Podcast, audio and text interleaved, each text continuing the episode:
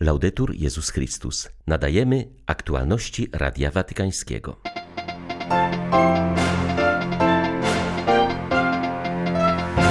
Papież wyraził pragnienie, aby placówki edukacyjne prowadzone przez Kościół były miejscami gościnnymi, w których można leczyć swoje rany i innych. Franciszek mianował nowego prefekta Kongregacji do Spraw Duchowieństwa. Został nim koreański biskup Lazaro Juheng Sik.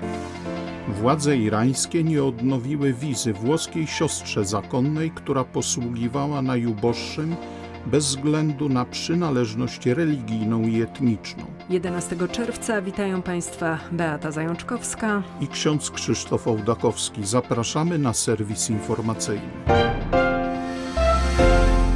Moim pragnieniem jest, aby wasze szkoły miały sumienie i kształtowały sumienia. Te słowa papież przekazał w przesłaniu z okazji 20. rocznicy powstania Latynoamerykańskiej Federacji Kolegiów Towarzystwa Jezusowego. Ojciec Święty stwierdził, że sam Jezus jest wzorem, który uczy nas, jak odnosić się do innych oraz do stworzenia. Papież życzył, aby szkoły jezuickie kształtowały serca przekonane o misji, dla której zostały stworzone, z przeświadczeniem przeświadczeniem, że życie wzrasta i dojrzewa w takim stopniu, w jakim oddajemy je dla innych. Wskazał, że życie, które chce się za wszelką cenę zachować, staje się obiektem muzealnym, pachnącym naftaliną. Nie przynosi żadnego owocu. Ojciec Święty wyraził pragnienie, aby szkoły jezuickie były miejscem prawdziwie gościnnym, gdzie można uleczyć rany zarówno swoje, jak i innych szkołami, których drzwi pozostają zawsze otwarte, nie tylko nauczone dywagacje, ale gdzie ubodzy mogą wejść i gdzie można wyjść im na spotkanie. Ellos encarnan la sabiduría evangélica to właśnie ubodzy ucieleśniają mądrość Ewangelii, która jest uprzywilejowaną perspektywą, z której możemy się wiele nauczyć. Szkoły, które nie popadają w egoistyczny elitaryzm, ale uczą się żyć razem ze wszystkimi, gdzie żyje się w braterstwie, wiedząc, że wszystko jest ze sobą powiązane i pamiętając, że braterstwo nie wyraża się przede wszystkim w obowiązku moralnym, ale raczej w obiektywnej tożsamości rodzaju ludzkiego i całego stworzenia. Tym właśnie jest braterstwo. Jesteśmy stworzeni jako rodzina, jako bracia. Somos creados familia. Franciszek podkreślił, że chciałby, aby szkoły Towarzystwa Jezusowego uczyły rozeznawania, odczytywania znaków czasu, rozumienia własnego życia jako daru, za który należy być wdzięcznym i którym należy się dzielić, oby kształtowały postawę krytyczną wobec modelu rozwoju, produkcji i konsumpcji, które wpędzają w haniebną nieprawość powodującą cierpienie ogromnej większości świata.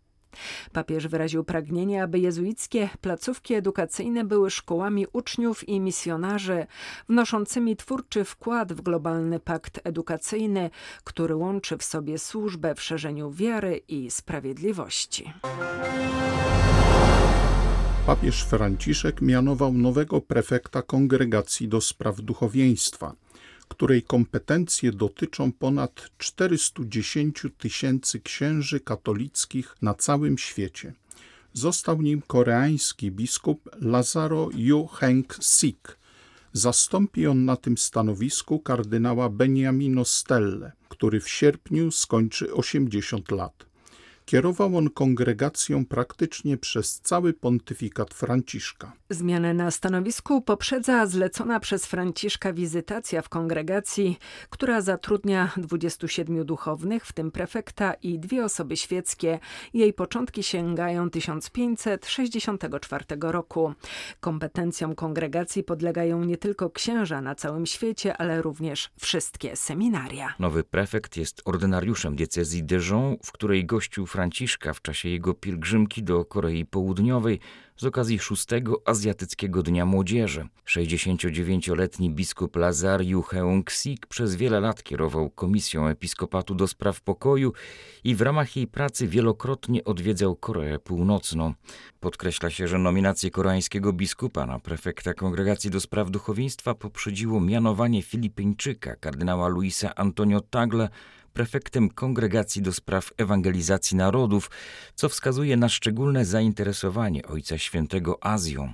Zauważa się też, że zmianom na najwyższych stanowiskach w kurii rzymskiej towarzyszą teraz zalecane przez Franciszka wizytacje. Tak było też przy zmianie prefekta w Kongregacji do Spraw Kultu Bożego. Mamy papieża, który jest przyjacielem Europy, a zarazem cieszy się wielkim poważaniem wśród polityków w Brukseli, powiedział po audiencji u Franciszka przewodniczący Rady Episkopatów Unii Europejskiej Comesse. Papież spotkał się z całym prezydium tej instytucji. Rozmawiano o pandemii, problemie migracji czy zagrożeniu populizmem. Kardynał Jean-Claude Hollerich zapewnił, że Franciszek doskonale rozumie funkcjonowanie struktur europejskich i stymuluje ich politykę. Spotkanie z papieżem jest zawsze źródłem wielkiej radości. Kiedy rozmawia się z nim na temat Unii Europejskiej, widać, że jest to papież, który kocha Europę i posiada głęboką wiedzę na temat mechanizmów Unii Europejskiej. I jest to miłość odwzajemniona. Kiedy jestem w Brukseli i rozmawiam z politykami, widzę, że wszyscy oni podziwiają papieża Franciszka w sposób szczególny ze względu na jego encykliki Laudato Si i Fratelli Tutti. Co ważne, podziw dla Ojca Świętego nie ogranicza się jedynie do katolików, a zatem papież daje nam nadzieję, niezbędną, by nadal pracować na rzecz Europy w dialogu ze wszystkimi, a zatem z politykami różnych ugrupowań. Ale od papieża otrzymujemy też ostrzeżenie, że Europa nie może wpaść w pułapkę populizmu. Wiemy, że dla papieża Franciszka jest to bardzo ważny temat.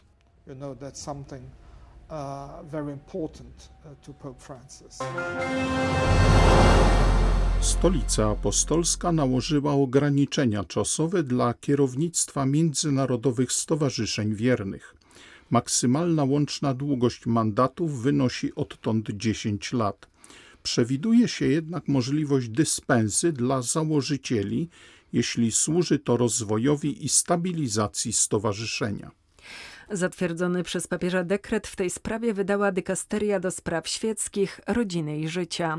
Dotyczy on stowarzyszeń ustanowionych bądź uznanych przez te dykasterie, których jest w sumie 109, a także ruchów, nad którymi dykasteria sprawuje nadzór, takich jak na przykład droga neokatechumenalna, odnowa charyzmatyczna czy system parafialnych komórek ewangelizacyjnych. Jak podaje nota dykasterii, celem rozpoczęcia rozporządzenia jest doprowadzenie do zdrowej rotacji w kierownictwie tych stowarzyszeń i zapobieganie nadużyciom, aby sprawowanie władzy było postrzegane jako autentyczna służba. Promulgowany dziś dekret wejdzie w życie za trzy miesiące. Irańskie władze nie odnowiły wizy włoskiej zakonnicy, która od 26 lat pracowała w leprozorium, niosąc pomoc najbardziej potrzebującym. W praktyce oznacza to, że 75-letnia siostra Giuseppina Berti musi opuścić Iran. Niepewny jest też los 77-letniej austriackiej zakonnicy Fabioli Weiss, której po 38 latach pracy wśród trendowatych władze przedłużyły wizę jedynie na rok. Ta decyzja będzie przede wszystkim ogromnym ciosem dla najuboższych, którym te dwie siostry ze Zgromadzenia Sióstr Miłosierdzia niosą codzienną pomoc, mimo kolejnych ograniczeń nakładanych na ich działalność przez irańskie władze. Przez ostatni rok nie prowadziły praktycznie żadnej działalności zewnętrznej, by nie być oskarżonym o prozelityzm. Całe swe życie w Iranie poświęciły chorym, bez względu na ich przynależność religijną i etniczną. Przed rewolucją siostry zajmowały się m.in. kształceniem dzieci i młodzieży, ale zostało im to zakazane. Warto odnotować też ich zaangażowanie w pomoc dla polskich sierot, które wiosną 1942 roku znalazły schronienie w Iranie. Codzienność Kościoła katolickiego w tym kraju z każdym rokiem jest coraz trudniejsza. Istnieją dwie archidiecezje asyro-chaldejskie mające biskupa i czterech kapłanów, jedna ormiańska mająca jedynie biskupa i łacińska, w której aktualnie nie ma ani jednego księdza i która czeka na przyjazd nowego biskupa. W tym islamskim kraju posługują jedynie siostry szarytki, jest ich w sumie pięć oraz dwie świeckie osoby konsekrowane. Liczbę wszystkich wiernych szacuje się na trzy tysiące na ponad 80 milionów mieszkańców. Młodym ludziom religijne korzenie kulturowe dadzą oparcie w przeszłości, mogą stać się fundamentem teraźniejszości i przewodnikiem na przyszłość. Taką opinię wyraził stały obserwator Stolicy Apostolskiej przy UNESCO ksiądz Francesco Follo. Przedstawiciel Watykanu wziął udział w webinarze na temat działań w zakresie ulepszenia, zachowania i promocji dziedzictwa kulturowego Organizacji Narodów Zjednoczonych oraz zabytkowych miejsc o charakterze religijnym. Ksiądz Follo zauważył, że aby bronić dóbr kultury, trzeba przede wszystkim uznać ich tożsamość.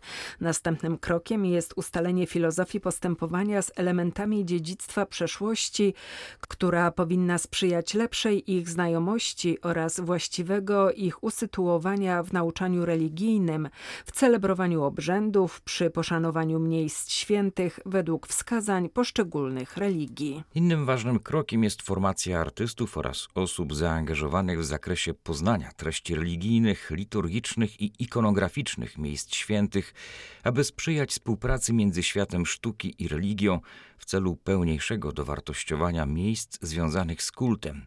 Ostatnim ważnym punktem z perspektywy Stolicy Apostolskiej jest organizowanie w sposób instytucjonalny współpracy między liderami świeckimi i religijnymi, bez zapominania o właścicielach oraz spadkobiercach. Religijne dobra kultury, podkreślił ksiądz Follo, nie są nimi poprzez swoje znaczenie kulturowe lub historyczne, ale przede wszystkim z powodu ich znaczenia religijnego, również dla ludzi żyjących dzisiaj. W Nigerii następuje konsolidacja miejscowych islamistów. W ostatnich dniach lokalna gałąź państwa islamskiego zdobyła dominację nad konkurencyjnym ugrupowaniem Boko Haram. Teraz islamiści mogą się skupić na walce z armią rządową i poszerzaniem kontroli nad Nigerią. Będą też dążyli do połączenia się z ugrupowaniami państwa islamskiego działającymi w krajach Sahelu ostrzega specjalista od afrykańskiego dżihadyzmu. Początkowo przed sześciu laty Boko Haram zabiegało o współpracę z państwem islamskim. Dla strategów państwa islamskiego to afrykańskie ugrupowanie okazało się jednak zbyt radykalne. Wykorzystywało na przykład dzieci do samobójczych zamachów bombowych czy stosowało represje względem samych muzułmanów, przez co zrażało do siebie lokalną ludność. Ponieważ Boko Haram nie zrezygnowało z tych praktyk państwo islamskie postanowiło je zlikwidować. 6 czerwca potwierdzono wiadomość o zabiciu przywódcy Boko Haram Abu Bakara Shekau i rozproszeniu jego oddziałów, mówi Wazim Nasr. Dziś Boko Haram nie stanowi już znaczącej siły zarówno pod względem liczby bojowników, jak i kontrolowanego terytorium. Aktualnie niemal cały region znajduje się pod kontrolą państwa islamskiego, które w porównaniu do Boko Haram jest o wiele lepiej zorganizowane i bardziej profesjonalne pod względem militarnym i mniej ekstremistyczne. Posiada też zaplecze organizacyjne, którym Boko Haram nie dysponował. Teraz, kiedy wojna między konkurencyjnymi ugrupowaniami islamistów została zakończona, państwo islamskie będzie się mogło w pełni skoncentrować na realizacji swoich celów, a działa z większym profesjonalizmem i jest wspierane dostawami z centrali państwa islamskiego. Były to aktualności Radia Watykańskiego. Laudetur Jezus Chrystus.